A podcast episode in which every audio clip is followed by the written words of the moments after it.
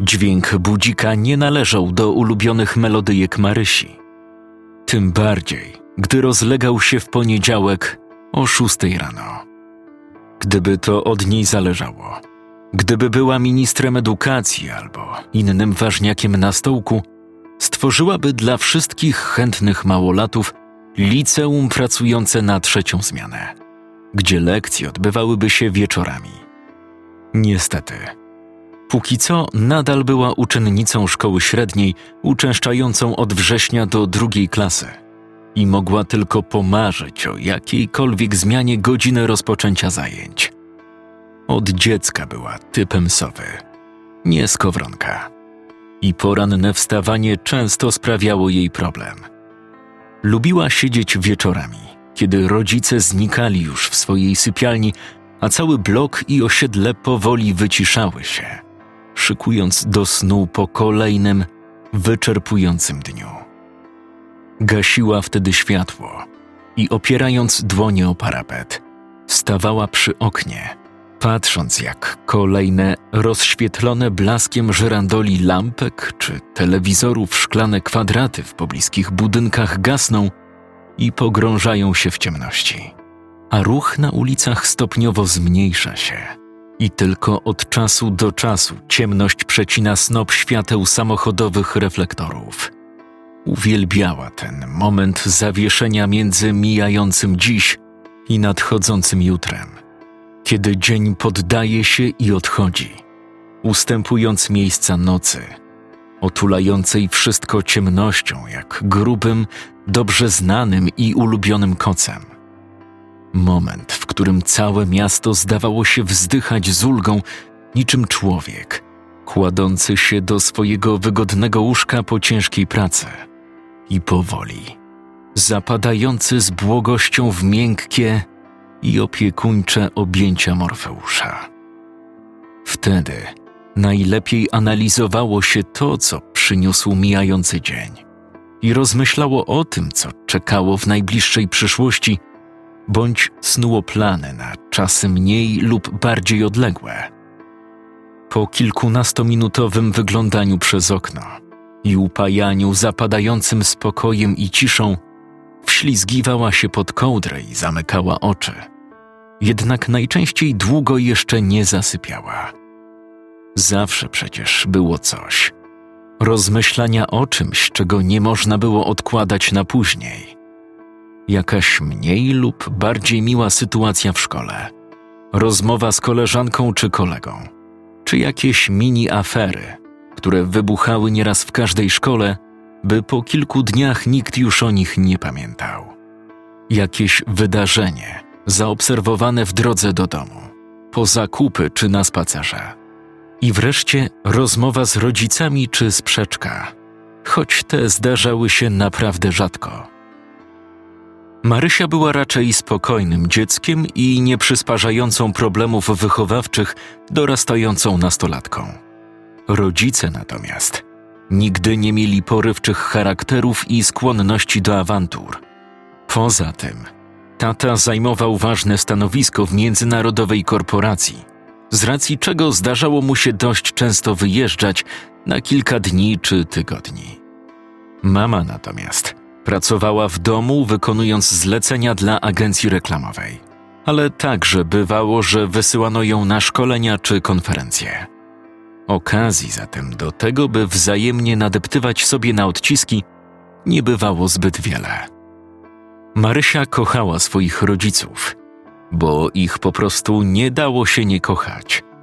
Zawsze uśmiechnięci, zawsze, mimo że zapracowani, znajdujący dla niej czas, pamiętający o różnych mniej czy bardziej ważnych sprawach, troszczący się najlepiej jak mogli o swoją jedyną córkę. Dziewczynka nieraz śmiała się, że ich trójka jest prawie idealna, niczym z przesłodzonych telenowel. Ale w głębi serca dziękowała Bogu, losowi, czy kto tam był sprawcą tego, że urodziła się właśnie w tej rodzinie.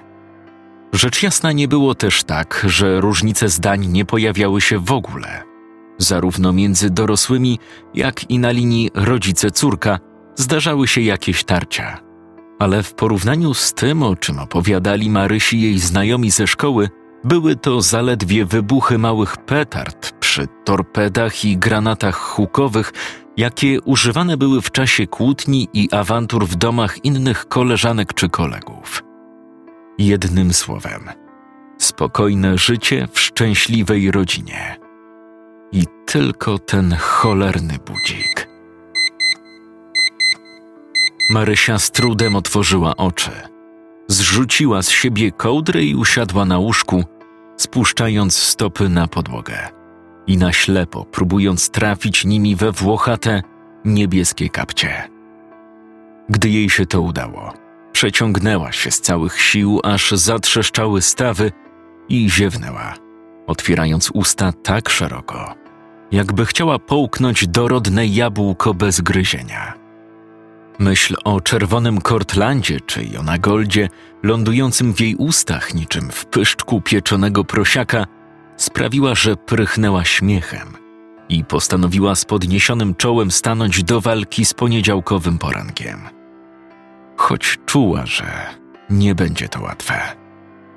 Przedwczoraj zaczął jej się okres, a była osobą, która przez te kilka dni prawie umierała – i najchętniej zwinęłaby się w kłębek gdzieś w wysokiej wieży, z dala od świata i innych ludzi, zaopatrzona tylko w ulubiony koc, ciepłą, mocną herbatę, tonę czekolady z orzechami i nospę. A do tego dziś wstała bardziej niewyspana niż zwykle, bo kiedy ostatni raz przed zaśnięciem zerkała na wyświetlacz w telefonie, zegarek wskazywał drugą czterdzieści osiem. A to wszystko przez Krzyśka. Krzysiek był jednym z ośmiu chłopców z jej liczącej raptem czternaście osób klasy. Wysoki, szczupły, z bujną blond fryzurą i miłym uśmiechem.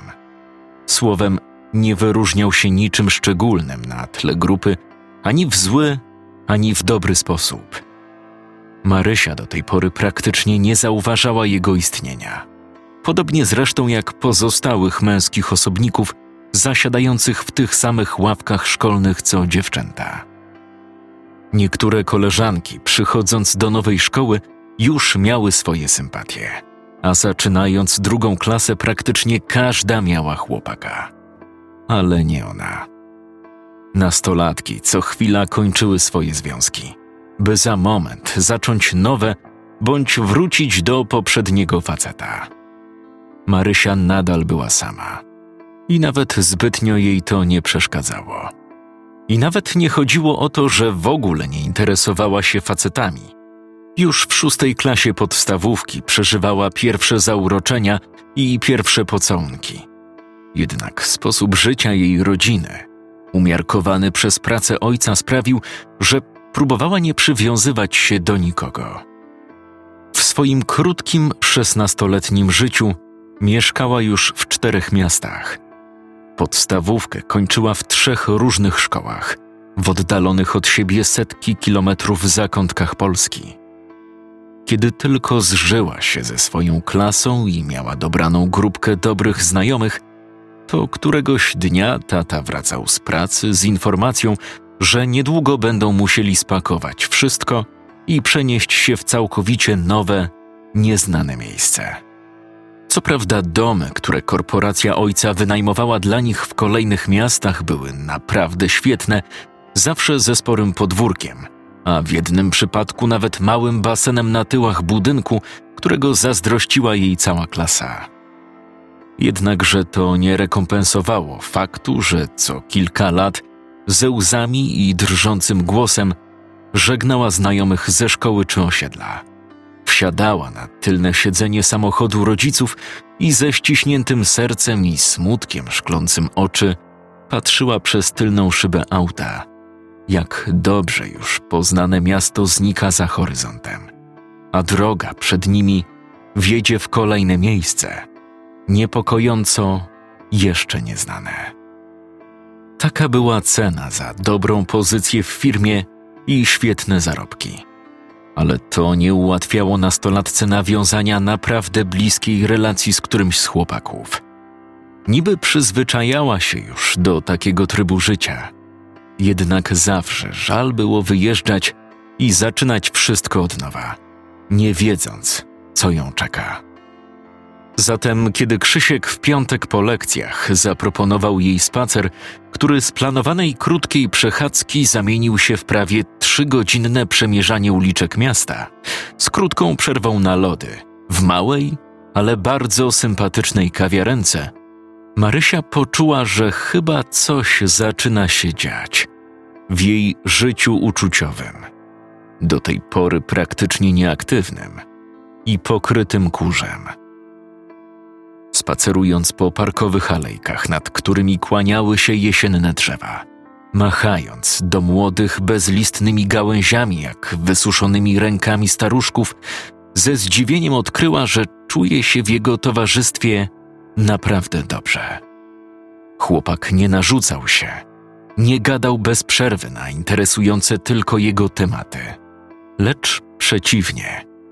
Tak prowadził rozmowę, zadając co jakiś czas mniej lub bardziej osobiste pytanie, że sama nawet nie zauważyła, kiedy opowiedziała mu całkiem sporo o sobie. Żeby być uczciwym, trzeba dodać, że chłopak także chętnie opowiadał o swoim życiu, rodzinie czy pasjach. Marysia co jakiś czas zerkała na niego, nieraz patrząc mu prosto w oczy, innym razem zerkając ukradkiem. I dochodziła do wniosku, że Krzysiek chyba jest całkiem fajny.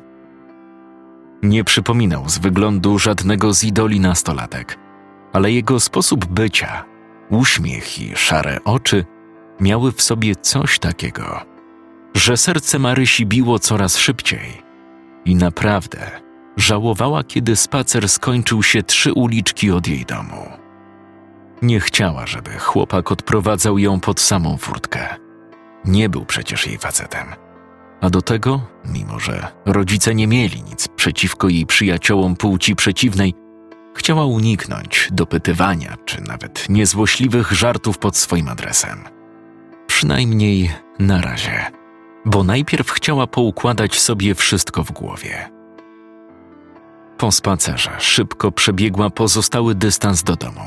Wpadła do kuchni jak burza, zjadła obiad i zniknęła w swoim pokoju, mówiąc rodzicom, że ma dużo nauki i musi odrobić wszystko teraz, żeby mieć wolny weekend, w którym rodzina zaplanowała wycieczkę do pobliskiego parku narodowego i dużego miasta nieopodal. Marysia nie miała konta na Facebooku. Nie dała też koledze swojego numeru telefonu.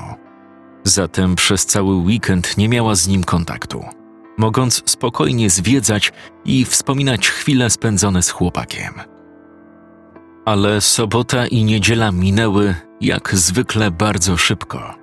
I teraz trzeba było ruszyć się z pokoju i iść do szkoły, gdzie na pewno będzie czekał już Krzysiek. Dlatego, mimo że nie wyspana, Marysia zmobilizowała się po dłuższej chwili i wypełzła z łóżka. Przez moment patrzyła na wiszące nad biurkiem zdjęcie klasowe, zrobione na początku drugiej klasy pewnego wrześniowego dnia. Do niedawna leżało ono w szufladzie. Obecnie zawisło w zasięgu wzroku, by mogła w dowolnej chwili, choć na zdjęciu, popatrzeć na pewnego kolegę z klasy. Delikatnie pogładziła palcem oprawioną w ramkę ze szkłem sfotografowaną twarz Krzyśka, stojącego jako pierwszy z prawej w górnym rzędzie i poczłapała do łazienki.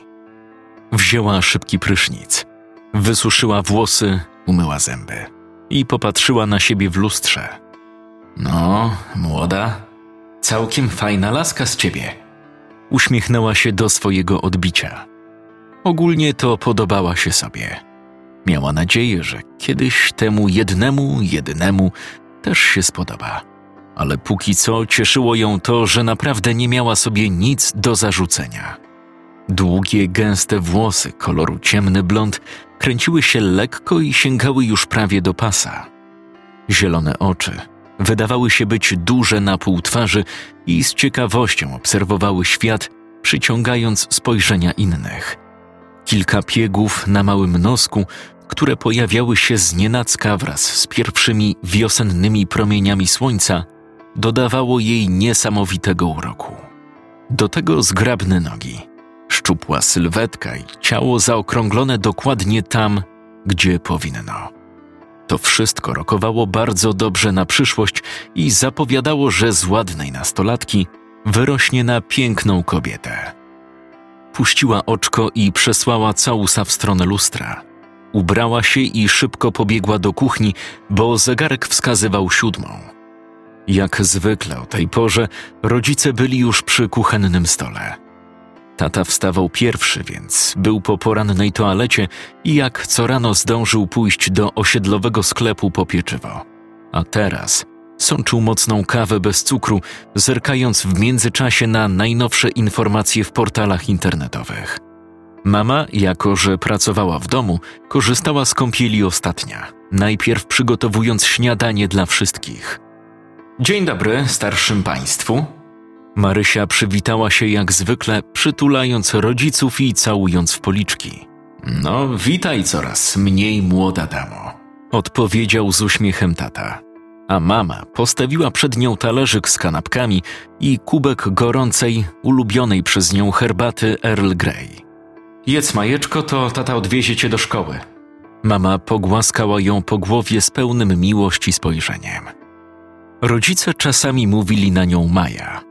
Wzięło się to z lat dziecięcych, kiedy nie potrafiła jeszcze wymawiać głoski R i przedstawiała się wszystkim mówiąc Dzień dobry, jestem Maja. A jakiś czas później, kiedy nauczyła się wreszcie mówić to nieszczęsne R, uparcie wstawiała je w miejsce głoski J, mówiąc na przykład radłam na śniadanie, rarka na miękko. Nie trwało to długo, ale do dziś było nieraz przypominane jak wiele innych rodzinnych anegdot. I do tej pory Maria była zwana czasami Mają. Dziewczyna szybko pochłonęła śniadanie. Spakowała przygotowane przez matkę kanapki do szkoły i w parę chwil była gotowa do wyjścia. Tata też czekał już przy aucie i gdy wyszła na podwórko, otworzył drzwi od strony pasażera, po czym zamknął je, gdy córka siedziała już w środku. Robił tak zawsze, gdy wsiadały z mamą do samochodu. Do tego przepuszczał je w drzwiach, pomagał zdjąć płaszcz. I te drobne, ale pełne czułości gesty sprawiały, że kochała go jak chyba żadna córka swojego ojca. Droga do szkoły nie była długa. Samochodem pokonywało się ją w kilka minut. Gdy zatrzymali się przed szkolną bramą, uściskała swojego staruszka, całując gładko ogolony, pachnący dobrą wodą po goleniu policzek. I jak zawsze w tym momencie próbowała zachować maksimum czujności. Ale nic z tego. Kiedy tata już odjechał, jak zwykle w kieszeni kurtki znalazła banknot i coś słodkiego. Nie wiedziała, jak on to robił, ale zawsze przy takim pożegnaniu wsuwał jej to do kieszeni, a ona wciąż próbowała go przyłapać, jednak nadaremnie. Kiedy wracała po szkole do domu, uporczywie dopytywała, jak on to robi, ale nigdy jej nie powiedział – śmiejąc się razem z mamą z jej udawanej złości i pogróżek, że jeszcze złapie go na gorącym uczynku. Ojciec po prostu miał dłonie sprytne jak świetny pianista albo złodziej. Krzysiek czekał przed drzwiami szkoły. Na jego widok poczuła uderzenie gorąca i była pewna, że policzki i uszy ma czerwone jak wóz strażacki. Uspokój się, kretynko, Skarciła się w duchu, ale nic to nie dało. Przeciwnie, miała wrażenie, że jest jeszcze bardziej czerwona niż przed chwilą. Cześć, Marysiu, ślicznie wyglądasz, powiedział, gdy schodzili do szatni. W ustach kogoś innego zabrzmiałoby to pewnie jak tani komplement. Powiedziane przez Krzyśka było po prostu miłe i urocze. Nie zdążyła odpowiedzieć ponieważ dzwonek na lekcję brutalnie przeszył powietrze i typowy szkolny gwar. Trzeba było szybko iść do klasy. Na przerwach też nie rozmawiali ze sobą, chociaż kilka razy ich spojrzenia spotkały się na korytarzu czy w szkolnej sali, i za każdym razem odwracała się błyskawicznie, próbując okiełznać rytm serca i wypełzające raz po raz rumieńce. Jednak bezskutecznie, bo po skończonych lekcjach Krzysiek, czekający przy bramie, zaczął rozmowę słowami: Skoro już tak ładnie rumienisz się na mój widok, to czy mogę zaprosić cię na kawę? Na twój widok? Chłopcze, nie pochlebiaj sobie, to z zimna. Próbowała bronić się Marysia, jednak kolega skwitował to tylko lekko złośliwym, ale sympatycznym uśmiechem. Zatem zamilkła i poszli na obiecaną kawę, a potem spacer.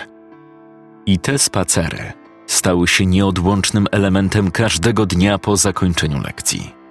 Krzysiek nadal zachowywał się jak dżentelmen, co coraz bardziej podobało się Marysi.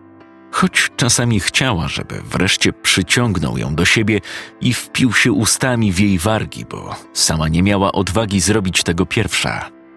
I taki dzień wreszcie nadszedł. Mniej więcej po trzech tygodniach wspólnych powrotów ze szkoły. Już od pierwszych sekund była pewna, że ten spacer zapamięta na długo. Krzysiek był zabawny jak zwykle, ale dało się wyczuć jakieś napięcie w jego głosie i w jego zachowaniu. Krążyli po mokrych od padającego deszczu chodnikach i nawet nie zauważyła, kiedy stanęli przed furtką jej domu. Mm, dzięki za odprowadzenie i spacer, uśmiechnęła się Marysia. A może jutro? Nie dokończyła zdania, bo chłopak przerwał je mocnym, ale jednocześnie delikatnym pocałunkiem. Trwał on dosłownie kilka sekund, po czym Krzysiek odskoczył od niej i pobiegł, zostawiając drżącą dziewczynę samą z tysiącem myśli.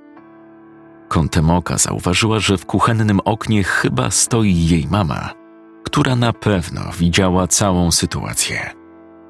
Jednak kiedy odwróciła głowę w stronę budynku, w oknie nikogo nie było. No to zaraz się zacznie. Wymruczała cicho, po czym weszła do domu. Jednakże mama przywitała ją jak zwykle, pytając co w szkole i nawet przez sekundę nie zdradzając się, czy widziała, co jej córka robiła przed furtką. Tata kilka dni wcześniej wyjechał w kolejną służbową podróż, zatem miały cały wieczór dla siebie. Jak zwykle w takiej sytuacji przygotowały coś pysznego do przegryzienia. Obejrzały kolejne dwa odcinki ulubionego serialu. Po czym mama zaczęła rozwiązywać krzyżówki, a Marysia udawała, że czyta, w myślach bez przerwy odtwarzając te kilka naprawdę cudownych sekund. Mama nie poruszyła tematu. Zatem Marysia rozluźniła się, czując ulgę, że nie będzie typowego w takiej sytuacji marudzenia matek o nauce i o tym, że na chłopaków to jeszcze przyjdzie czas. Kolejne dni mijały, a Marysia wreszcie była szczęśliwa. To, co nie miało prawa się wydarzyć, bo Maria broniła się do tej pory przed takim uczuciem, stało się faktem. Mimo, że świat dookoła otrząsał się z ostatnich jesiennych liści i wbrew rozkwitającym jak wiosenna łąka uczuciom młodych ludzi, szykował do zimowego letargu.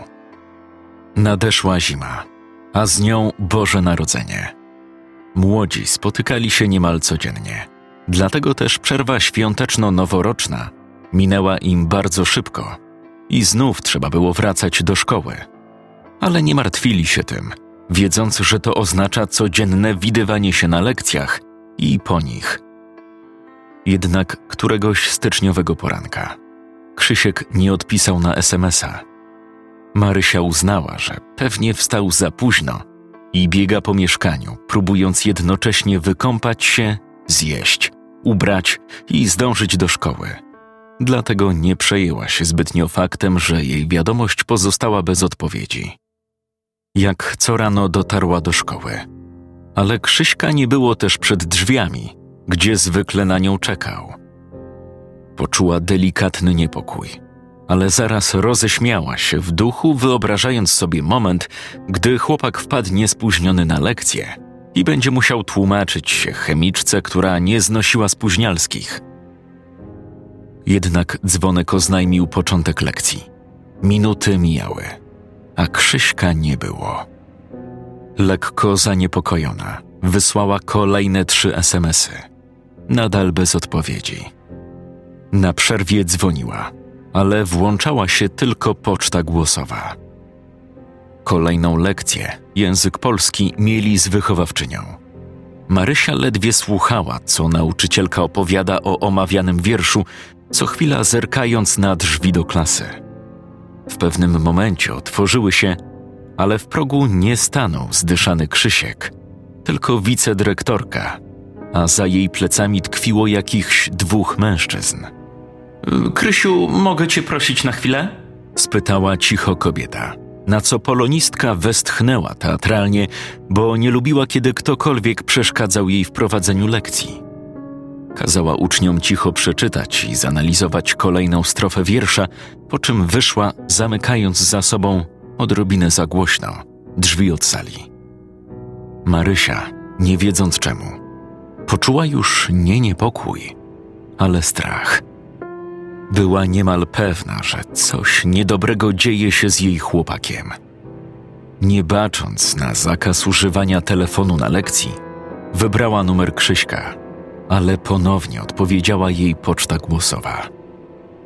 Marysia poczuła, że jej tętno przyspiesza, a czoło i dłonie wilgotnieją od potu. Taka sytuacja nie była czymś codziennym, bo Krzysiek niemal zawsze odbierał telefon albo oddzwaniał w przeciągu kilku minut. Dziewczyna zaczynała naprawdę się bać. W tym momencie wychowawczyni wróciła do klasy. Marysi wystarczyło jedno spojrzenie w jej kierunku, by mieć pewność, że dręczące ją obawy za chwilę się potwierdzą. Przyłożyła otwartą, drżącą dłoń do ust i nawet tego nie czując, zacisnęła zęby na wewnętrznej stronie środkowego palca. Kochani, głos polonistki drżał jak całe ciało Marysi. Wydarzyło się coś okropnego. Wasz kolega Krzyś został dziś rano pobity przez jakichś bandytów, kiedy szedł do szkoły. Przewrócili go i upadając, uderzył głową o krawężnik. I on. On nie żyje. Marysia sama była zaskoczona tym, co powiedziała, a co nie chciało przejść przez gardło nauczycielce. Ta spojrzała na dziewczynę i tylko skinęła głową, po czym zrobiła krok w jej kierunku, chcąc ją przytulić i pocieszyć. Jednak Marysia zerwała się z krzesła, omijając ją i wybiegła na korytarz, a stamtąd przed szkołę. Biegła kilkadziesiąt metrów, bez kurtki i w trampkach, wyjąc jak zwierzę i zanosząc się płaczem, aż zwolniła nagle, kiedy pociemniało jej w oczach i poczuła, że mięśnie nagle wiotczają. Zemdlała. Kolejne dni przeżywała jak w koszmarnym śnie. Modlitwy w przycmentarnej kapliczce, czyjeś dłonie podtrzymujące ją, gdy tępym wzrokiem patrzyła na trumnę. Mamroczące głosy zmawiające różaniec. Zapłakani rodzice Krzyśka, koleżanki i koledzy z klasy ze spuszczonymi głowami ocierający łzy. Wreszcie dzień pogrzebu mroźny, ale na szczęście bez opadów śniegu. Kazanie księdza, który musiał chyba dostać dobrą stawkę za pogrzeb, bo kazanie mówił, jakby był najlepszym przyjacielem chłopaka od lat. Trumna wkładana do karawanu i niesiona na ramionach od cmentarnej bramy aż do świeżo wykopanego grobu. Zapach kadzidła i miękkie stuknięcie rzuconego na wieko trumny piasku – szelest lin, opuszczających dębową skrzynię z doczesnymi szczątkami chłopaka do grobu. Wycie matki Krzyśka i czyjeś silne ręce powstrzymujące ją od wskoczenia w ślad za synem. Wreszcie ostre, przejmujący chłód garści ziemi, którą wraz z białą różą rzuciła na wieko trumny, żegnając się ostatecznie z ukochanym. I senność. Okropna, nie dająca się zwalczyć senność, która ogarniała ją od wieczoru kończącego dzień śmierci Krzyśka. Do tego ogólne otępienie i ból głowy, który witał ją co rano. I świadomość, że skończyło się coś, co było ważne, a może najważniejsze w życiu. Rodzice pozwolili jej nie chodzić do szkoły od dnia strasznej wiadomości aż do dnia pogrzebu. Zresztą nie dałaby rady tam wytrzymać. Siedząc w domu, ledwo miała siłę na to, żeby wstać, umyć się i iść na różaniec. Resztę czasu spędzała w łóżku, gapiąc się tempo w sufit i wspominając wszystkie cudownie spędzone chwile. Dalszy ciąg, którego już nie będzie przez trzech debili, którym zabrakło kilku złotych do flaszki i z którymi zetknął Krzyśka perfidny los. Pogrzeb był w piątek, zatem weekend spędziła jeszcze w domu.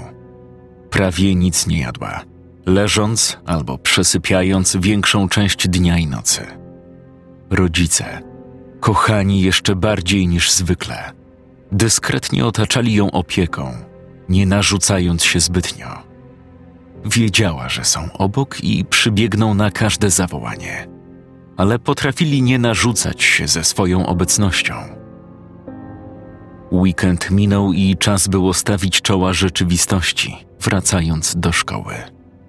Wstała zatem rano, o szóstej, z bólem głowy, z którym zdążyła się już zaprzyjaźnić, po czym przeszła wszystkie standardowe procedury dnia codziennego, łącznie z odwiezieniem do szkoły. Tym razem przez mamę, bo tata nie wrócił jeszcze z delegacji. Wiązało się to też z brakiem słodyczy i pieniędzy w kieszeni kurtki, ale nawet nie zwróciła na to uwagi. W budynku uderzyła ją szkolna normalność, jak gdyby nic się nie stało. Jakby kilka dni temu nie pojawili się tutaj dwaj ponurzy faceci z tragiczną informacją. Tak samo tłoczyli się ci, którzy chcieli zostawić kurtki w szatni. Tak samo rozbrzmiewał gwar na korytarzu. Dzwonek brzmiał identycznie jak przed jej wielką, osobistą tragedią. W sumie nie było w tym nic dziwnego. Życie toczyło się dalej. System edukacji nie padł. Trzeba było kształcić kolejne pokolenie. Ta zwykła codzienność zasmuciła ją, a jednocześnie pozwoliła wziąć głęboki oddech i przekroczyć próg klasy. Spodziewała się, że wszyscy będą patrzeć na nią ze współczuciem albo dopytywać się, jak się czuje ale nic takiego nie nastąpiło. Powiedziała ogólne cześć, na które odpowiedziano jak zwykle. Uściskała kilka najbliższych koleżanek i usiadła na swoim miejscu. Odruchowo spojrzała na krzesło Krzyśka i ze zdziwieniem dostrzegła, że siedzi na nim Patryk, z którym rozmawiała raczej rzadko. Czemu, czemu zająłeś to miejsce? spytała, próbując zapanować nad głosem. Patryk spojrzał na nią zdziwiony, popatrzył przez moment i odrzekł: Byłem u okulisty. Dostałem okulary. Z ostatniej ławki nie widzę już tak jak kiedyś. Poza tym jest wolne. To chyba nic złego się nie stało, nie? Na dowód założył na nos szkła w modnej obecnie oprawce. Marysia chciała coś odpowiedzieć, ale do klasy weszła nauczycielka niemieckiego i od razu zażądała wyjęcia kartek w celu napisania niezapowiedzianej kartkówki. Marysia nie miała problemu z nauką języków, zatem całą uwagę skupiła na rozwiązywaniu poleceń. Na przerwie chciała pogadać jeszcze z Patrykiem, ale zaczął boleć ją brzuch i całą pauzę przesiedziała w toalecie a potem zarządzono alarm przeciwpożarowy i kolejną lekcję spędziła ze wszystkimi uczniami na brzegu parku, naprzeciwko budynku szkoły. To wszystko sprawiło, że poczuła się zmęczona i odłożyła rozmowę na inny dzień. Po szkole zasnęła zaraz po powrocie do domu. W pewnym momencie przyśnił jej się Krzysiek. Przytulał ją i całował, mówiąc, że wszystko będzie dobrze i wkrótce o nim zapomni, bo tak naprawdę go nie było. Sen był tak realistyczny, że zerwała się z płaczem. Zegarek wskazywał prawie północ. W całym domu panowała ciemność i cisza. Tak bardzo chciała zobaczyć Krzyśka, chociaż przez moment. Ze ściśniętym sercem uświadomiła sobie, że nawet nie ma żadnego wspólnego zdjęcia z nim. Krzysiek nie lubił się fotografować. Chyba najbardziej ze wszystkich znanych jej osób. A teraz taka fotografia mogłaby choć na chwilę zmniejszyć jej ból. Nagle zerwała się z łóżka i jak wystrzelona z procy stanęła przy biurku. Zdjęcie klasowe. Jak mogła o nim zapomnieć? Tam przecież jest Krzysiek. Szybko włączyła światło. Nagły blask zalewający pokój oślepił ją na krótką chwilę i gdy wszystko wróciło do normy, spojrzała na klasową fotografię i zamarła w bezruchu. Na pierwszy rzut oka zdjęcie wyglądało jak zawsze. Statko szesnastolatków szczerzyło się do aparatu. Ktoś miał przymknięte oczy, ktoś inny lekko odwróconą czy przechyloną głowę. Pomiędzy nimi ona sama, patrząca w obiektyw lekko zalotnie, jakby chciała poderwać fotografa. Zdjęcie, które widziała tyle razy, że mogła z zamkniętymi oczami powiedzieć, jaka jest kolejność ustawionych osób. I nie pomyliłaby się, poza jednym wyjątkiem. Jako pierwszy z prawej, w górnym rzędzie, nie stał Krzysiek, tylko Ania. A w miejscu Krzyśka nie było nikogo. Zerwała ramkę ze ściany i przysunęła bliżej twarze. Jednak to nic nie zmieniło. Cała klasa nadal trwała w wiecznym bezruchu. Cała poza tą jedną osobą, która była tu, kiedy ostatnio, czyli jakiś czas przed śmiercią Krzyśka, oglądała to zdjęcie. Podobnie jak z jej życia, Krzysiek zniknął także z fotografii. Marysia patrzyła na zatrzymaną w kadrze klasę szeroko otwartymi oczami, czując, że zaczyna drżeć na całym ciele. Przecież. Przecież on tam był. Na pewno był. Patrzyłam setki razy. Wyślizgująca się z drżących palców ramka uderzyła o podłogę. Szkło z suchym trzaskiem rozsypało się na kilkanaście ostrych kawałków. Ten dźwięk wyrwał dziewczynę z otępienia i być może powstrzymał przed głośnym, rozdzierającym mieszkanie krzykiem. Padła na kolana, żeby pozbierać szkła. Jedno z nich boleśnie wbiło jej się w dłoń. Nagły ból i kapiące na podłogę czerwone krople do końca otrzeźwiły Marysię. Szybko sprzątnęła odłamki. W łazience opatrzyła skaleczenie – po czym złapała fotografię i bez pukania wbiegła do sypialni rodziców. Mama spała na lewym boku, tyłem do drzwi. Jej miarowe posapywanie świadczyło o naprawdę głębokim śnie. Ale Marysia nie przejmowała się tym, że matka chce odpocząć. Mocno szarpnęła ją za ramię, wołając głośno: Mamo, wstań, proszę cię, obudź się natychmiast. Wyrwana ze snu matka otworzyła oczy, do końca nie rozumiejąc, co się dzieje. Jak każdy zbudzony brutalnie z głębokiego snu człowiek. Nieobecnym wzrokiem próbowała jednocześnie ogarnąć, co się dzieje i sprawdzić godzinę na stojącym na nocnej szafce zegarku. Maryśka, co się dzieje? Na litość boską dzieciaku jest północ. Gdzie jest Krzysiek? Marysia próbowała panować nad swoim głosem, ale czuła, że nie uda się to na dłuższą metę. Mamo, powiedz mi, gdzie jest Krzysiek? Ja wiem, że nie żyje. Wiem, ale gdzie jest Krzysiek ze zdjęcia? Mama zerknęła na podsuniętą pod nos fotografię w drżącej dłoni córki. po czym ciężko opadła na poduszkę i westchnęła.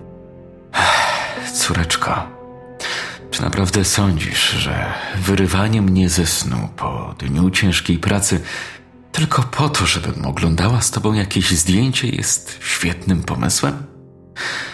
Skoro tak, to chcę ci tylko przypomnieć, że rano jadę na dwudniowe szkolenie, a ty masz na ósmą do szkoły. Jeśli masz złe sny, to przykro mi z tego powodu, ale wracaj z powrotem do łóżka i spróbuj zasnąć, dobrze? Jakie złe sny! Jeszcze kilka dni temu tu był, a teraz zniknął. I nie mam żadnych złych snów, on tu był! Co się dzieje, mamo, że był, a go nie ma? Mario, powiem tak. Albo wracasz do swojego pokoju, albo po raz pierwszy będę zmuszona dać ci jakąś karę za twoje zachowanie. Nie wiem, kto był, a kogo nie ma. Nie znam żadnego Krzyśka. Kładź się wreszcie spać. Mama chyba po raz pierwszy podniosła na nią głos. Dlatego Marysia, nie otrzymawszy pomocy, wybiegła z sypialni i wróciła do swojego pokoju. Myślała, że nie zaśnie, ale zmęczona całą sytuacją, odpłynęła w ciągu kilkunastu minut. Ranek przyniósł ból głowy. Za to nie dostarczył żadnych odpowiedzi. Mamy już nie było. Krzyśka na fotografii też nie. Siedząc w kuchni, piła kawę i wpatrywała się w klasowe zdjęcie. Wiedziała, że nie zwariowała, ale to, co się przydarzyło, nie było normalne. Postanowiła jednak, że spróbuje się opanować i działać spokojnie. Na przerwie, siląc się na spokój, zagadnęła: Zobaczcie, jak ten czas leci. To już ponad tydzień od śmierci Krzyśka, a wydaje się, jakby to było wczoraj. Koleżanki, które stały najbliżej, spojrzały na nią ze zdziwieniem. Jakiej śmierci? Jakiego Krzyśka? Przecież Krzysio siedzi w swojej ławce. Marysi zakręciło się w głowie. Spojrzała w kierunku wskazanym przez Monikę, ale zobaczyła tylko drugiego klasowego Krzyśka, który wyczuł jej spojrzenie i pomachał radośnie jedząc kanapkę. Nie tego. Mówię o Krzyśku Piaseckim. Krzysztof Piasecki? Jedyny jakiego znam o tym nazwisku to taki kiepski satyryk, ale on ma już chyba ze sto lat. Monika i Ala roześmiały się, jakby pierwsza z nich powiedziała najlepszy dowcip świata. Marysia, czując, że zaraz zemdleje, wyszeptała: Przecież on chodził z nami do klasy. Dziewczyno, dobrze się czujesz? spytała zatroskana Karolina, która dołączyła właśnie do grupki. W tej klasie od zawsze był tylko jeden Krzysiek. Ten, który właśnie opycha się drugą bułką i któremu chętnie dałabym się zaprosić do kina, tylko jakoś mu to kretynowi nie przychodzi do głowy. Tego było już za wiele. Marysia osunęła się na podłogę, mdlejąc kolejny raz w przeciągu zaledwie kilkunastu dni. Ocknęła się w gabinecie pielęgniarki, nie wiedząc, jak się tam znalazła. Jak się okazało, zaniosły ją tam koleżanki z klasy z nauczycielką. Zapewniła miłą grubaskę w białym fartuchu, że czuje się już wyśmienicie, po czym opuściła gabinet. Weszła do klasy na przerwie. Zgarnęła swój plecak, zabrała kurtkę z szatni i wybiegła na zewnątrz. Kompletnie nie rozumiała, co się dzieje, ale przerażało ją to prawie do granic psychicznej wytrzymałości. Postanowiła, że musi sprawdzić pewną rzecz. Po kwadransie oczekiwania na autobus, wsiadła do zatłoczonego pojazdu i przejechała kilka przystanków, wysiadając na jednym z nich.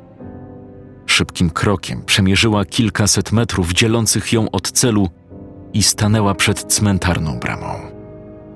Wzięła głęboki oddech i przeszła przez furtkę dzielącą świat żywych od świata umarłych.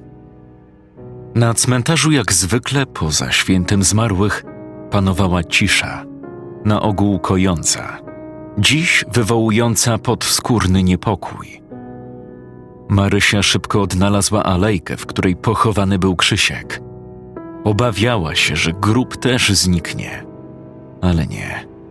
Widoczny był z daleka, z powodu wieńców i zwiędłych wiązanek, których nikt nie zdążył jeszcze uprzątnąć. Podeszła bliżej. Wszystko wyglądało normalnie. Pagórek ze świeżo rozkopanej ziemi, wieńce, kwiaty, krzyż. Jednak czegoś brakowało. Tabliczki z imieniem i nazwiskiem.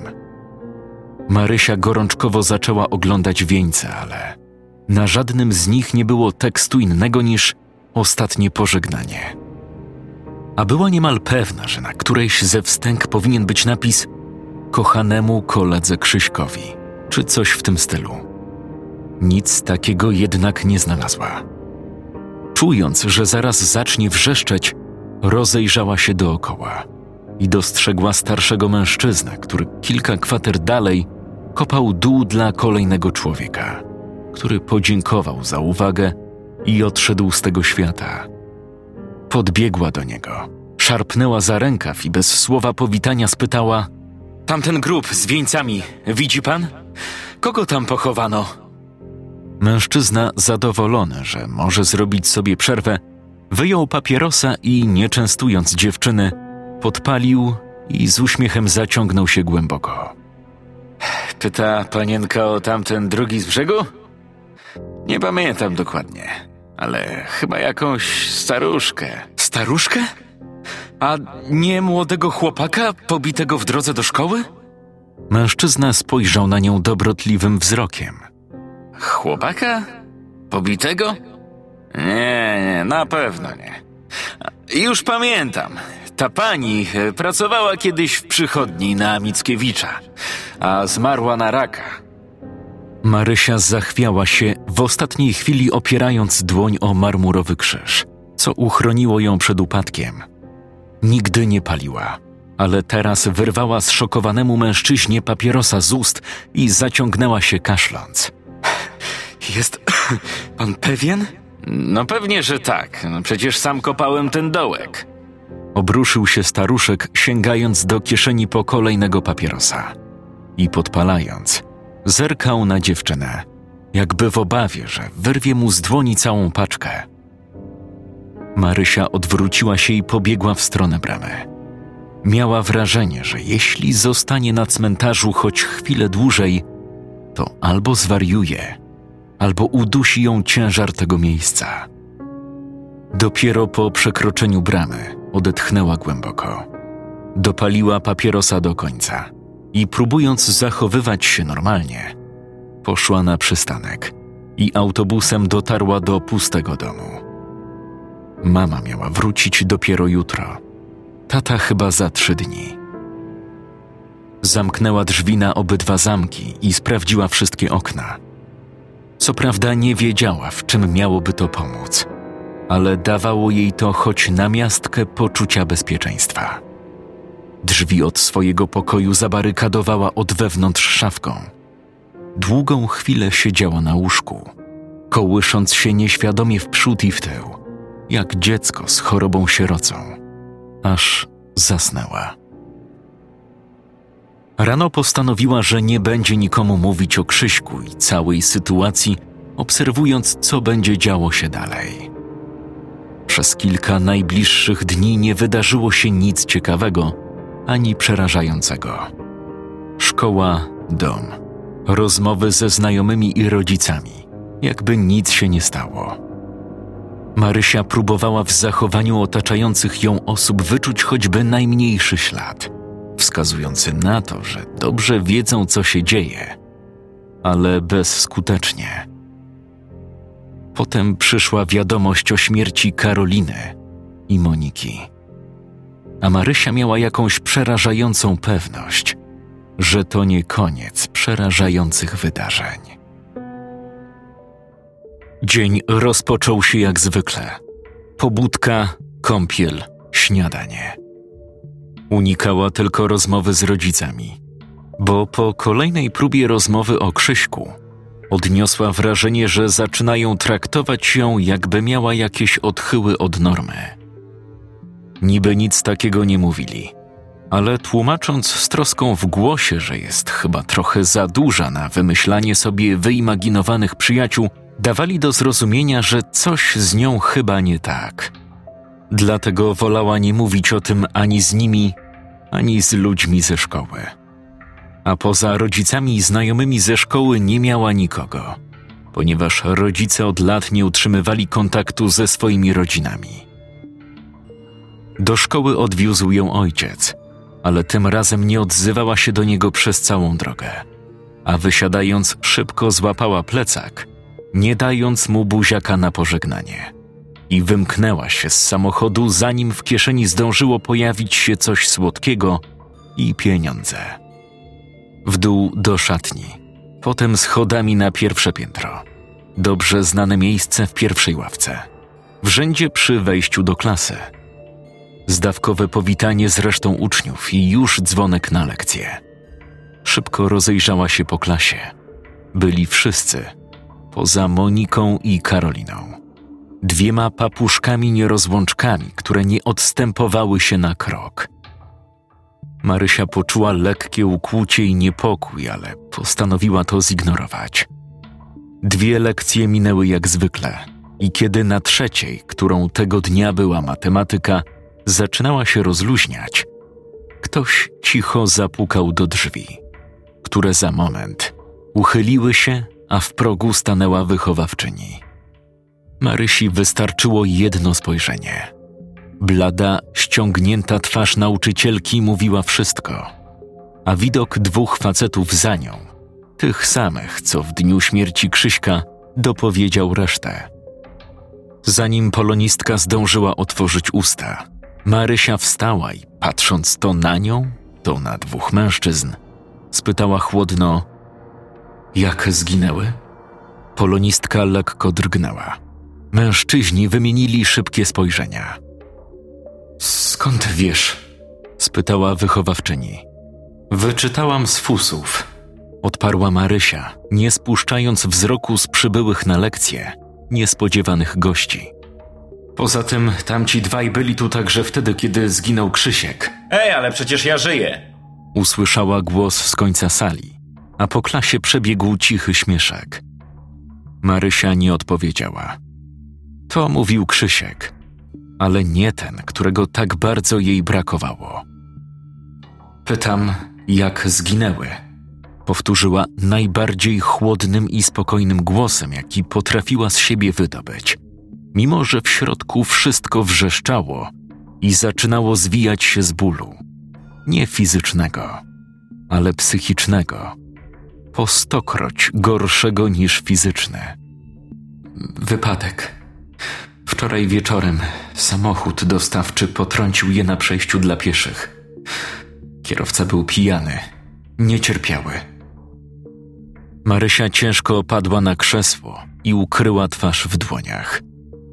Przypomniała sobie, że dzień wcześniej przyjaciółki siedziały w szkole bardzo podekscytowane, bo wieczorem miały wybrać się na podwójną randkę. Niestety, nie za bardzo chciały zdradzić z kim. Mówiły tylko, że to o dwa lata starsi chłopcy z innej szkoły. Ale mimo, że niektóre dziewczyny próbowały wyciągnąć z nich coś więcej, nie zdradziły ani z której szkoły, ani nawet imion szczęśliwców, którym miały podarować kilka godzin swojego życia. A jak się dziś okazało, ostatnich godzin. Do końca dnia nie odzywała się do nikogo, a po powrocie do domu szybko złapała fotografię klasową, którą od pamiętnej nocy trzymała w szufladzie biurka. Ale na zdjęciu nic się nie zmieniło. Karolina i Monika stały objęte jako pierwsze z lewej w dolnym rzędzie, uśmiechnięte i patrzące prosto w obiektyw. Urocza brunetka i sympatyczny rudzielec, tak pełne życia, radości i planów na przyszłość, nie spodziewające się, że raptem kilka miesięcy później los, który postawił na ich drodze jakiegoś pijanego palanta, będzie miał dla nich zupełnie inny plan. Kolejne dni były bliźniaczo podobne do tych po śmierci Krzyśka. Zasypiała niemal w locie, kładąc się na łóżko. Budziła z bólem głowy. Szykowała się do szkoły. Ojciec odwoził ją pod bramę. Tyle tylko, że wchodziła do budynku, po czym wychodziła z niego drugim wyjściem i włóczyła się bez celu po mieście. Nie miała ochoty siedzieć na lekcjach. Nie chciała przebywać z ludźmi, którzy próbowali wmówić jej, że Krzysiek nie istniał, a nie wiadomo, co będą mówić o kolejnych ofiarach z ich klasy. Po południu szła na różaniec. Dziewczyny zginęły razem i razem stały w trumnach, w kaplicy. Mszę pogrzebową też miały mieć razem. Prawdziwa przyjaźń do samego końca. W kaplicy było tłoczno, z racji tego, że modlono się za dusze dwóch osób. Członkowie obu rodzin i przyjaciele każdej z dziewcząt mieszali się ze sobą, tworząc jedną, okrytą smutkiem i żałobą ludzką masę. Ktoś głośno mamrotał modlitwę, przesuwając w palcach kolejne koraliki różańca. Pozostali powtarzali słowa wraz z nim. Marysia siedziała wciśnięta w sam kąt sali żałobnej i udając, że modli się ze wszystkimi, spod opuszczonej głowy obserwowała pozostałych ludzi. Zastanawiała się, czy Karolina i Monika też znikną ze zdjęcia, rozmów i pamięci. Czy też Krzysiek rzeczywiście był wytworem jej wyobraźni?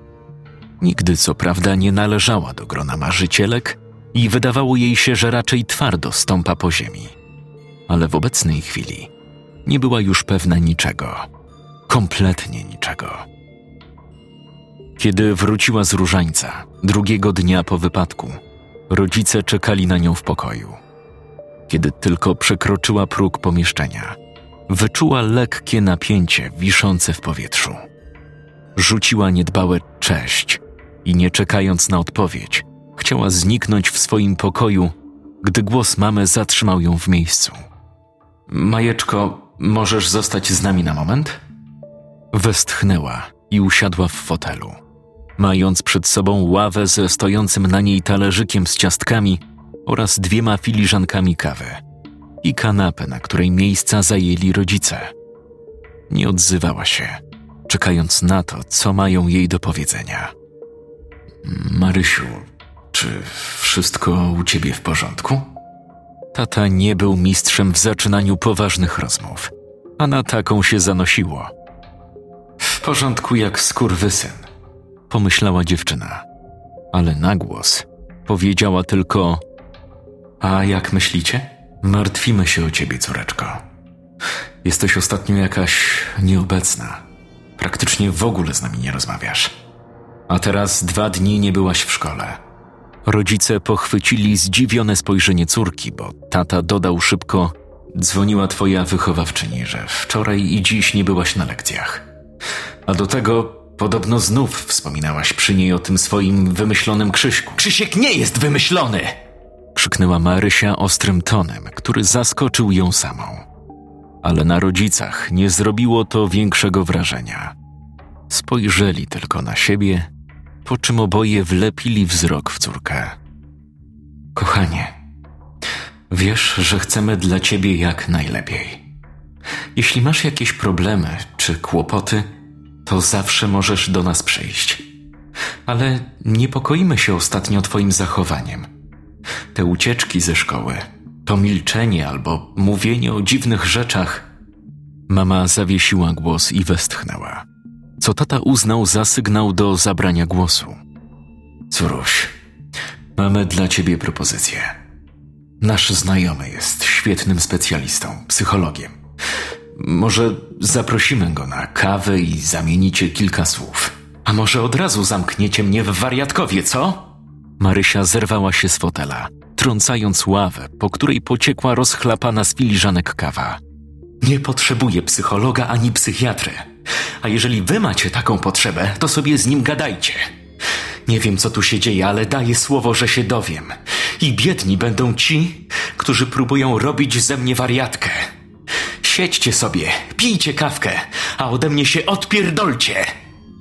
Wykrzyczane słowa zaskoczyły zarówno rodziców, jak i córkę. Cisza, która zapadła, była tak gęsta, że można by ją kroić nożem. Ale nie trwała zbyt długo, bo Marysia z płaczem wybiegła z pokoju, nie bacząc na wołających ją rodziców. Drzwi, podobnie jak wtedy, gdy była w domu sama, zabarykadowała szafką i nie odpowiadała na pukanie rodziców ani ich prośby, żeby wpuściła ich do środka. W głowie kłębiło jej się tysiąc myśli. Łzy ciekły ciurkiem i nie potrafiła ich powstrzymać. Przecież nie zwariowałam. Do jasnej cholery nie zwariowałam. Krzysiek był. Karolina i Monika nie żyją, a ja nie wiem do kurwy nędzy, co się dzieje. Mamrotała w kółko do siebie, aż po długiej i wyczerpującej godzinie płaczu zasnęła wykończona. Kolejny dzień był dniem pogrzebu przyjaciółek. Klasa Marysi była tego dnia zwolniona z zajęć, ale dziewczyna dotarła na cmentarz sama, bez reszty osób ze szkoły. Msza, podobnie jak na pogrzebie Krzyśka, była dość długa, a kazanie tak piękne, że Marysia ponuro roześmiała się w duchu, że po dzisiejszym dniu ksiądz dołoży chyba ostatni hajs brakujący do kupna nowego samochodu. Dlatego tak pięknie opowiada o kimś, kogo nigdy pewnie nawet nie widział na oczy. Groby dziewczyn wykopane były obok siebie. Jak przyjaźń i nierozłączność, to nawet tutaj. Marysia tym razem na chłodno przeżyła całą uroczystość. Od wyprowadzenia zwłok z kaplicy do kościoła, aż do położenia ostatniego wieńca na bliźniaczo podobnych grobach. Widziała płaczących dookoła ludzi, ale sama wtuliła tylko nos w szalik, nie potrafiąc wycisnąć z siebie nawet jednej łezki. Jakby cały ich zapas na najbliższe miesiące czy lata wylała już na pogrzebie Krzyśka i po nim. Po uroczystościach pogrzebowych spora ilość osób postała jeszcze trochę nad świeżymi mogiłami, ale mróz, który trzymał porządnie od rana, powoli przepędzał kolejnych żałobników do ich ciepłych samochodów i mieszkań. Tłumek nad grobami powoli, ale sukcesywnie przerzedzał się, malejąc z każdą minutą. Maryśka, idziesz? Trzyosobowa grupka z klasy zatrzymała się tuż koło niej, ale nie patrząc im w oczy, przecząco pokiwała głową. Miała jeszcze coś do zrobienia. Musiała wyjść stąd jako ostatnia. Żeby nikt nie zapamiętał, że została przy grobach sama, odeszła jako jedna z ostatnich. Zrobiła rundkę po cmentarzu i kiedy zaczęło się zmierzchać, wróciła do punktu wyjścia. Rozejrzała się szybko dookoła i nie dostrzegając nikogo w pobliżu, zmarzniętymi dłońmi wyjęła z kieszeni telefon, po czym szybko zrobiła kilka zdjęć grobów koleżanek. Wybiegła z cmentarza i dopiero na przystanku obejrzała zrobione pospiesznie fotografie. Nie były to arcydzieła tej dziedziny sztuki, ale zawierały to, na czym jej zależało. Tabliczki z nazwiskami dziewcząt i szarfy na wieńcach z wyraźnie wypisanymi na nich imionami. Karolina i Monika. Uśmiechnęła się do siebie. Teraz będzie miała niezbity dowód, że nie oszalała. Jeśli groby koleżanek w dziwny sposób wyparują, jak tabliczka z mogiły Krzyśka. Nie miała ochoty wracać jeszcze do domu. Zatem wysiadła z autobusu kilka przystanków dalej i poszła do galerii handlowej, żeby w jednej z kawiarni zjeść lody i wypić kawę. Nabierała pełną łyżeczkę zmrożonej słodyczy, by po chwili przepłukać usta gorącą kawą. Lubiła to uczucie nagłego schładzania i rozgrzewania i patrzyła na plączących się po galerii ludzi. Zabiegani, zatopieni w swoich myślach – zakupach i bezsensownym wydawaniu pieniędzy na rzeczy, w większości do niczego niepotrzebne. Nie wiedzieli, że tuż obok siedzi nastolatka, która właśnie wróciła z podwójnego pogrzebu i nie ma pewności, czy jutro ktoś ze znajomych nie będzie próbował upierać się przy zdaniu, że Karolina i Monika nigdy nie istniały, a cała ceremonia pogrzebowa była tylko kolejnym urojeniem. Po odpoczynku w kawiarni Marysia przespacerowała się jeszcze po całej galerii, choć nawet nie zajrzała do żadnego ze sklepów, po czym postanowiła wracać do domu piechotą, mimo że zaczynało się robić późno, a zmierzch całkowicie zalał już miasto, rozświetlone latarniami i oknami licznych budynków. Nie bała się chodzić wieczorami. Czuła, że mimo śmierci trzech osób z klasy, nie grozi jej żadne niebezpieczeństwo. Przynajmniej na razie. Powolnym krokiem zmierzała w stronę domu. Mimo coraz późniejszej pory, wcale nie spieszyło jej się do miejsca, w którym mieszkała. Od wczorajszej awantury, a właściwie jej wrzeszczeniu na rodziców, dało się wyczuć ochłodzenie relacji. Stosunki między ojcem, matką a nią można było porównać do szorstkiej przyjaźni Stanów Zjednoczonych i Rosji. Niby podają sobie dłonie, niby spotykają się czasem, ale jakby co, to guziki do odpalenia głowic jądrowych są gotowe. Ale Marysia miała to głęboko gdzieś, tak głęboko, że nie wygrzebałby tego nawet najlepszy proktolog. Czuła, że jej relacje z rodzicami zmieniły się, choć nie wiedziała czemu. Ale też nie wnikała zbytnio. Widocznie tak już jest, że czasami nie da się być ukochaną córeczką do końca życia. Nie rozumiała tylko, czemu rodzice nie chcą jej wierzyć w historię z Krzyśkiem i co ma znaczyć ta cała sytuacja w klasie. Ale to też nie zaprzątało jej umysłu bez przerwy – Mózg jakby celowo spychał wszystko, co z tym związane, w ciemne zakamarki świadomości. Jakby czekając, że pogrzebie je tam kurz zapomnienia i złom tysięcy innych spraw. Były krótkie momenty, że sama zaczynała się zastanawiać, czy to wszystko Krzysiek, spacery, pocałunki, czułe słówka, potem śmierć i pogrzeb to nie były urojenia aż do teraz, do śmierci i ostatniego pożegnania dziewczyn. Teraz wiedziała już, że nie wymyśliła sobie tego wszystkiego, ale komuś bardzo zależy na tym, żeby tak myślała. Tylko komu i dlaczego? Na to pytanie nie miała jeszcze odpowiedzi, ale liczyła na to, że ją znajdzie, zanim zwariuje. Do domu wróciła dopiero przed dwudziestą drugą, zmęczona jak nigdy przemarznięta na wylot. Ojciec siedział jeszcze z nosem w laptopie. Mama ze słuchawkami na uszach pisała coś na kartkach.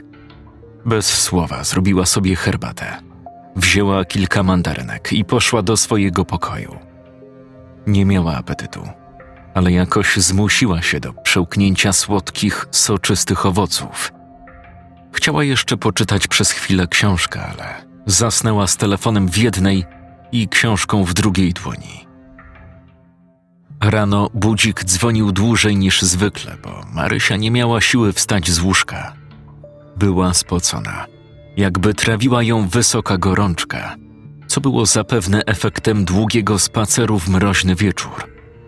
Głowa bolała ją tak bardzo, że miała wrażenie, że zaraz eksploduje zasypując cały pokój ostrymi kawałkami kości czaszki i szaro-czerwoną breją mózgu. Jej wyobraźnia ze szczegółami pokazała, jak wtedy wyglądałby dobrze znany pokój, zabryzgany fragmentami głowy. Obraz był tak sugestywny, że dziewczynę nagle zemdliło i musiała natychmiast pobiec do łazienki. W ostatniej chwili klękając przed muszlą i długo wymiotując – choć nie bardzo miała czym, bo po wczorajszym dniu żołądek był praktycznie pusty i teraz tylko zwijał się w bolesnym pulsowaniu.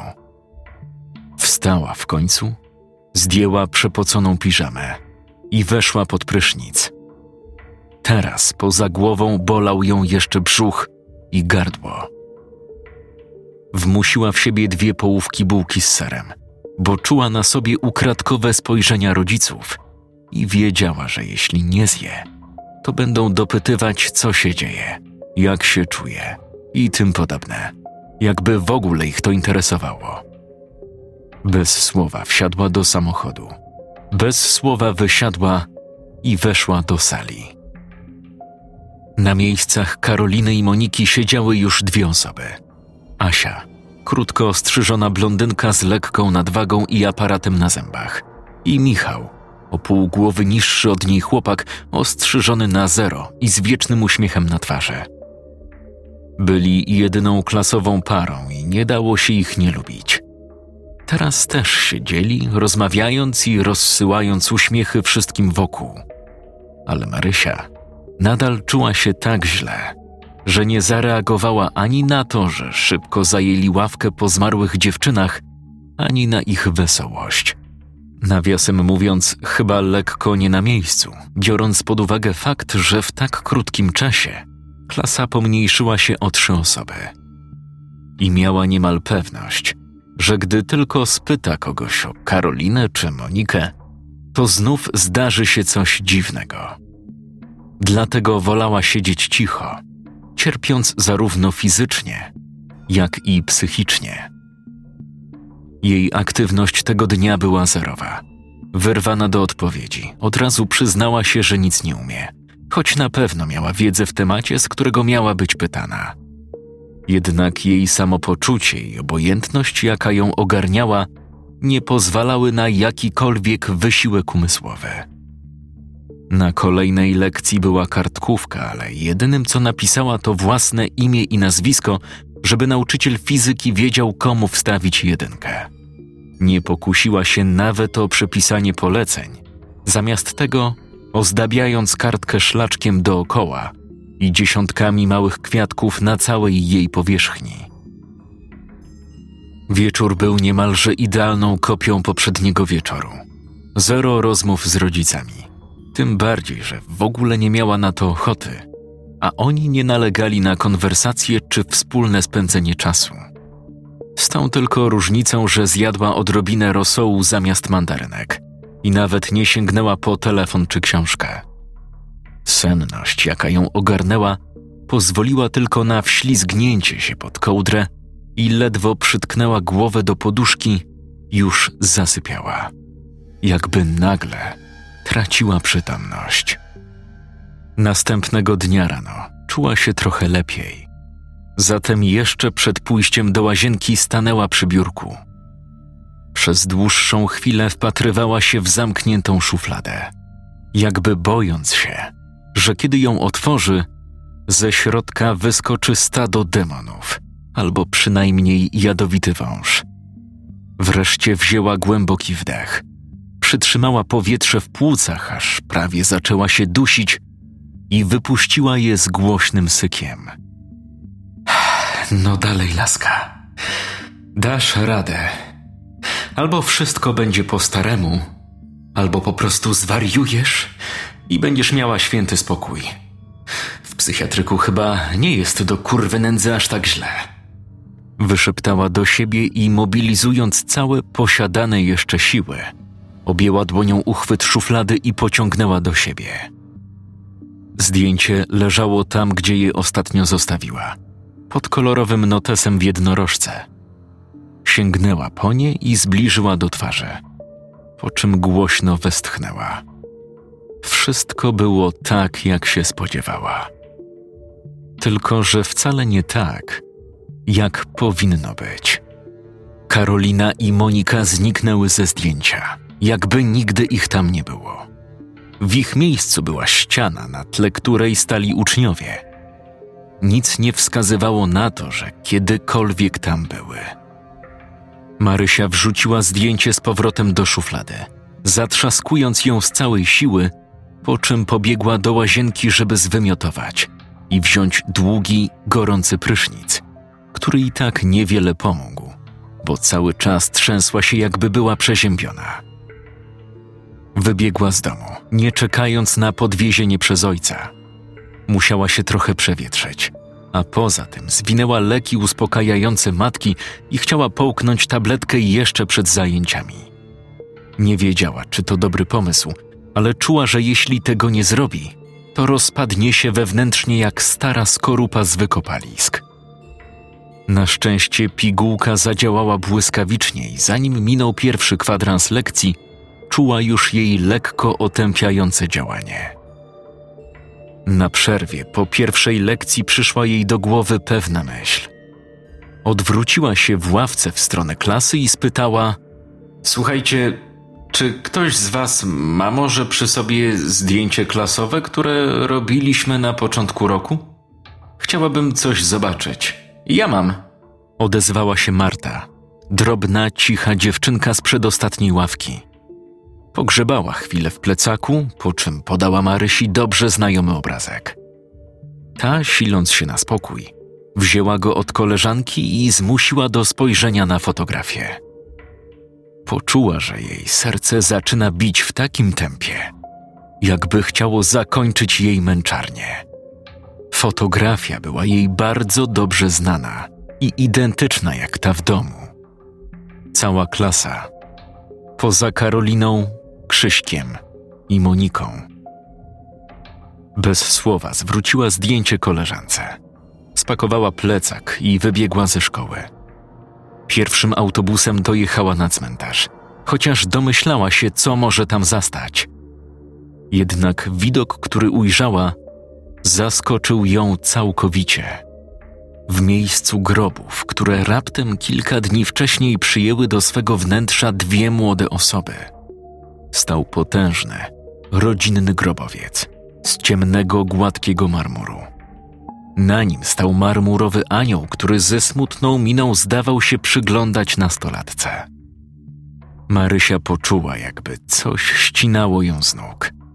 Ledwie trafiła tyłkiem na stojącą przed grobem ławkę, po czym zwinęła się w kłębek i siedziała tak kilka, może kilkanaście minut. Kiedy poczuła się odrobinę lepiej, zerknęła na napis na płycie. Grób rodzinny rodziny Łaniewskich. Zygmunt Łaniewski. Żył lat 57. Zmarł 13 czerwca 1975 roku. Barbara Łaniewska. Żyła lat 69. Zmarła 24 listopada 1991 roku. Marek Łaniewski. Żył lat 60. Zmarł śmiercią tragiczną 27 września 2008 roku. Wanda Łaniewska. Żyła. Tu pozostawiono puste miejsce, które miało wypełnić się za jakiś czas. Jak bardzo duży nie byłby ten grób, nie krył w sobie Karoliny Wojtkowiak i Moniki Leśniewskiej. Marysia poczuła się, jakby czas zatrzymał się a jednocześnie pędził z zawrotną szybkością. Mętlik, jaki miała w głowie, sprawiał, że chciała wrzeszczeć jak opętana, a jednocześnie robiła wszystko, żeby nie wydobyć z siebie nawet piśnięcia. Telefon! Krzyknęła i zaraz szybko zakryła usta dłonią, rozglądając się wokół, jakby właśnie zrobiła coś bardzo złego i teraz bała się kary. Resztka zdrowego rozsądku nadal brała górę. W telefonie ma przecież zdjęcia grobów zrobione tuż po pogrzebie. Dłonie drżały jak u osoby z Parkinsonem, ale jakoś udało jej się odblokować smartfona i wejść w folder pliki. Ogólnie nie robiła zbyt wielu zdjęć, zatem przeglądanie folderu było krótkie i szybkie. Zdjęć grobów Karoliny i Moniki nie było. Łzy, których Marysia nawet nie próbowała powstrzymać, płynęły po twarzy i wsiąkały w szalik, ale nawet tego nie zauważyła. Przejrzała wszystkie foldery w telefonie. Po zdjęciach nie było nawet śladu. Nie jestem wariatką. Nie jestem kurwa wariatką. Mamrotała coraz szybciej, gdy wchodziła w kontakty w telefonie. Tak jak się spodziewała Numery telefonów koleżanek także zniknęły. Wyczerpana, krążyła bezmyślnie po mieście prawie do dwudziestej drugiej. Wtedy dopiero, niemal instynktownie, dotarła do domu. Bez słowa zamknęła się w swoim pokoju, zabarykadowała drzwi i włączyła komputer. Mimo przejrzenia wszystkich lokalnych stron internetowych, nie było ich zbyt wiele, raptem kilka nie natknęła się nigdzie ani na informacje o śmierci dwóch nastolatek na przejściu dla pieszych, ani o tragicznym pobiciu młodego chłopaka, który szedł do szkoły. Wśród nielicznych zdjęć ze szkolnych wycieczek, które miała zgrane od ludzi z klasy czy z własnego telefonu, nie było nawet jednego, na którym znalazłby się choć fragment dłoni czy twarzy kogoś z nieżyjącej trójki. Wytłumaczenia całej sytuacji były następujące. Albo ktoś włamał się do jej komputera, usuwając odpowiednie pliki, albo. albo nikt nie musiał się włamywać i zrobili to rodzice. Albo naprawdę ześwirowała i jedynym ratunkiem będzie kaftan i pokój bez klamek.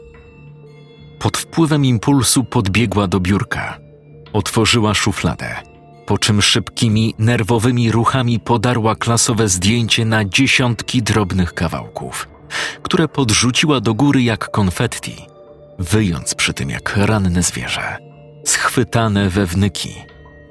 Resztka rozsądku kazała jej wyć w ściągniętą z łóżka poduszkę, bo krzyk mógł przyciągnąć rodziców i nie wiadomo, jak skończyłby się ten wieczór. Wykończona do granic wytrzymałości, zasnęła na podłodze. Następny poranek był chyba najcięższym w jej życiu. Od spania na podłodze bolało ją całe ciało. Miała wrażenie, że w każdy mięsień ktoś wbija jej nóż albo setki szpilek. Od płaczu bolała cała twarz. Zapuchnięte oczy kłuły, jakby ktoś sypnął w nie garść soli, przemieszanej z potłuczonym na drobniutkie kawałki szkłem. Zdarte od wrzasku gardło dawało o sobie znać przy każdym wdechu czy przełknięciu śliny. Nie miała nawet siły się wykąpać, ale bijący od niej kwaśny odór wczorajszego potu niemal instynktownie zawiódł ją pod prysznic. Praktycznie bez udziału świadomości wykąpała się, ubrała i poszła do szkoły. Rodziców nie było, ale niewiele ją to obchodziło. Jeśli są jakoś wplątani w całą sytuację, to lepiej, że nie musiała ich spotykać. Jeśli nie, to powinni jej pomóc, a nie zajmować się własnymi sprawami. Tak czy tak, dobrze, że nie musiała rano na nich patrzeć. Nawet nie wiedziała, kiedy dotarła do szkoły, choć jeszcze przed bramą zarejestrowała dźwięk dzwonka, co oznaczało, że jest spóźniona. Nie spiesząc się zbytnio, zeszła do szatni. Powoli zmieniła obuwie, powiesiła kurtkę. Noga za nogą powlokła się na ostatnie piętro, gdzie miała pierwszą lekcję tego dnia, czyli biologię. Delikatnie chwyciła za klamkę i otworzyła drzwi. Cała klasa była już na miejscach. Nauczycielka właśnie sprawdzała listę obecności. Marysia jak co dzień odruchowo spojrzała na miejsce zajmowane kiedyś przez Krzyśka i zapiszczała z bólem jak kopnięty szczeniak. Na miejscu Krzyśka siedział Krzysiek.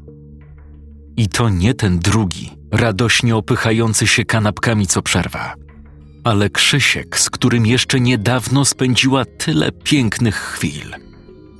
Na początku nie zauważył, że weszła do klasy, ale kiedy usłyszał piśnięcie, spojrzał w jej kierunku i uśmiechnął się jak gdyby nigdy nic. Marysia, jak w letargu, spojrzała na kolejną ławkę, którą kiedyś zajmowały Monika z Karoliną. Kiedyś. I dzisiaj też. Zagadane ze sobą jak zawsze. Karolina szeptała coś na ucho Monice, która zachichotała cichutko, po czym dostrzegła Marysię, spoważniała i trąciła łokciem przyjaciółkę, po czym obie spojrzały na spóźnioną dziewczynę. Tego było już zbyt wiele, jak na biedną szesnastolatkę ze zszarganymi nerwami i powoli, ale uparcie, kroczącą chyba w kierunku szaleństwa. Ale okazało się, że to nie koniec chorych niespodzianek. Gdy zrobiła krok w stronę własnego miejsca w ławce, stanęła twarzą w twarz z samą sobą. Marysia zaczęła drżeć tak, że miała wrażenie, że zaraz rozpadnie się na kawałki. Spojrzała w oczy Sobowtóra. siebie samej. Sobowtóra. To niemożliwe. To nie jest prawda. Nie jest prawda. To się nie dzieje, kurwa, naprawdę. To sen, albo nie wiem Ale co. na pewno nieprawda. Nieprawda. Jej tam nie ma. Nie ma mnie tam. Nie ma jej. Nie ma dziewczyny, która zajmowała jej miejsce. A teraz stała przed Marysią, identycznie ubrana i uczesana, jak odbicie w niewidzialnym lustrze. Marysia spojrzała jej w oczy i przez ułamek sekundy ujrzała jakiś cień smutku, gdy tamta uśmiechnęła się lekko i dotknęła dłoni nastolatki. W tym momencie szala przeważyła się na ciemną stronę. Jej umysł litościwie rozpadł się na miliony kawałków, uwalniając tkwiącą gdzieś na jego dnie mroczną stronę. Marysia padła na kolana, wymiotując przed siebie i bezwiednie mocząc majtki i rajstopy. Kiedy opróżniła już żołądek i pęcherz, zaniosła się przeraźliwym wyciem, które zamieniło się w obłąkańczy śmiech. Gdy sanitariusze znosili ją do karetki przypiętą pasami do noszy, twarz dziewczyny zastygła w przerażającym uśmiechu, jak u Jokera. Ten uśmiech podobno utrzymywał się jeszcze przez kilka godzin. Ojciec Marysi siedział bez słowa w czystym, białym pokoju, na umeblowanie którego składało się tylko proste biurko, zamykana metalowa szafka i komputer z dużym monitorem, podzielonym obecnie na kilka jednakowej wielkości prostokątów. W każdym z nich był obraz z innej z kamer – Ojciec bez problemu rozpoznał własny salon, kuchnię czy pokój Marysi. Nowością dla niego był tylko obraz z pokoju szpitalnego, gdzie dziewczyna siedziała w kaftanie, miarowo kołysząc się w przód i w tył, niewidzącym wzrokiem patrząc w drugi kąt pokoju i mamrocząc coś do siebie. Z kącika ust powoli ściekała jej stróżka śliny – Zdajesz sobie sprawę, że przegiąłeś? Ojciec dziewczyny chciał, żeby jego głos zabrzmiał stanowczo, ale jednocześnie wiedział, że wyraźnie przebija w nim nutka bezsilności i strachu. Drugi z mężczyzn, starszy od ojca nastolatki i całkowicie już siwy, wydawał się nie słyszeć, co ten do niego mówi. Wpatrywał się uważnie w dziewczynę na monitorze notując co chwilę coś w grubym, czarnym notesie. Dopiero po upływie mniej więcej minuty z trzaskiem zamknął notes, odłożył długopis na biurko i zimnym jak ostrze noża spojrzeniem obrzucił siedzącego nieopodal mężczyznę. Nie zgadzam się z tobą. Taki był plan.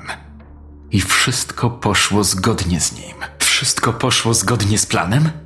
Ojciec Marysi już ledwo panował nad emocjami. Czyli twoim planem było, żeby młoda dziewczyna zwariowała i wylądowała w psychiatryku, robiąc pod siebie i bełkocząc? Nie do końca. Ale był to jeden ze scenariuszy.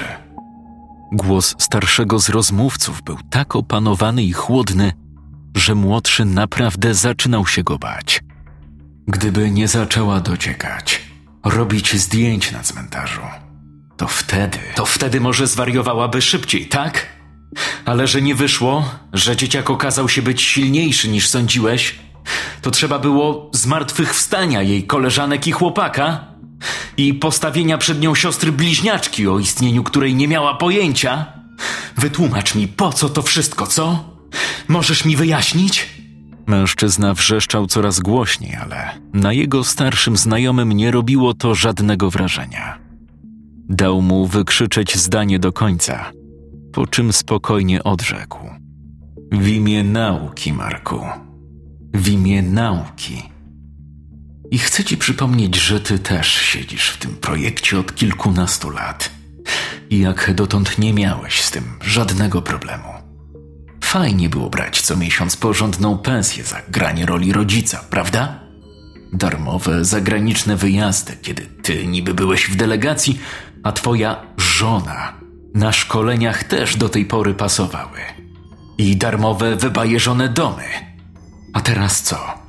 Nagle taki obrońca wdów i sierot? Ojciec Marysi dyszał ciężko i resztką sił powstrzymywał się, żeby nie rozkwasić rozmówcy nosa. Ale nie było nawet mowy o tym, że doprowadzimy dziewczynę do takiego stanu. Czy ty kurwa masz w ogóle jakieś uczucia? Siwy mężczyzna uśmiechnął się lekko, co jeszcze bardziej zirytowało i tak wściekłego już rozmówcę. Ech, Mareczku, a czy mam ci przypomnieć, nad czym pracujemy od lat? Nad ludzką psychiką, nad każdym jej zagadnieniem, nad jasną i ciemną jej stroną. A ty w umowie, o ile dobrze pamiętam, zobowiązałeś się wykonywać polecenia i nie angażować emocjonalnie w relacje z obiektem. Mała i tak miała dużo szczęścia. Gdyby nie my, to i ona, i jej siostra bliźniaczka do teraz siedziałyby w domu dziecka. Powinny dziękować losowi, że dotarliśmy do nich, gdy miały pół roku. Myślę, że świetnym pomysłem było też to, że rozdzieliliśmy je od razu i że Maja, siostra Marysi, była wtajemniczona we wszystko. Dzięki temu finałowy moment poprzedniego etapu badań był naprawdę, jakby to powiedzieć, hmm, widowiskowy. Widowiskowy? Dzieciak zżygał się i zeszczał przy całej grupie, a ty nazywasz to widowiskowym finałem? O, byli na to przygotowani. Przecież od początku cała jej klasa uczestniczyła w projekcie. Zobacz, ile pracy w to włożyliśmy, ile lat. I też powinni być szczęśliwi, że nie siedzą w bidulach. Ba, mało tego, nawet zarabiają jakieś pieniądze. Ojciec nadal oddychał ciężko, ale złość ponownie zaczęła ustępować pola strachowi. Jego kolega, podobnie jak córka, chyba przekroczył cienką linię, dzielącą normalność od szaleństwa. Z tą tylko różnicą, że ona stała się ofiarą, a on katem. A nie boisz się, że młodzi zaczną kiedyś opowiadać komuś o wszystkim? Że zdemaskują cały twój pojebany eksperyment? Że Maja opowie, co stało się z jej siostrą Marysią? Siwy podniósł delikatnie brwi, ale poza tym z jego twarzy nie można było nic wyczytać. O, myślę, że nie ma takiej opcji. Zbyt długo pierzemy im mózgi. Zbyt długo są w naszych rękach. A nawet jeśli tak by się stało, zawsze możemy zamknąć ich w tym samym szpitalu, co Marysie. O, właśnie przyszło mi coś do głowy. Ciekawe, jaka byłaby reakcja dziewczyn, gdyby uśpić je gazem. Tak jak często robiliśmy to z Maryśką i w nocy zamienić miejscami. Gazem? A, dokładnie to był podtlenek azotu z małą domieszką czegoś ekstra. No i oczywiście ze zmniejszoną zawartością tlenu. No nie dziw się tak. Przyznaję, że kilka razy twojej żonie i tobie też zmuszeni byliśmy go podać. Jest praktycznie bezwonny i bezpieczny, choć czasem powoduje ból głowy, co ostatnio mogłeś zaobserwować u Marysi. Ale wracając do tematu. Młodzi są pewniakami. Zrobią, co im każe. A jeśli nie, to tak jak mówiłem, psychiatryk albo prawdziwe groby. Myślę, że nie dojdzie do takiej sytuacji. Ale jakby co, jestem na to gotowy. Te chory skurwielu. Ojciec nastolatki postanowił dłużej nie pohamowywać swojego gniewu. Złapał mężczyznę za koszulę i mocnym ruchem przyciągnął do siebie. Masz ją z tego wyciągnąć, rozumiesz? A potem odpierdolić się od niej i ode mnie raz na zawsze. Nie będę dłużej dla ciebie pracował, ty gnido. O, kolega składa wymówienie. Wiesz, że w przypadku pracy dla instytutu takiego jak nasz, nie jest to takie proste? W dupie mam ciebie, instytut i pracę.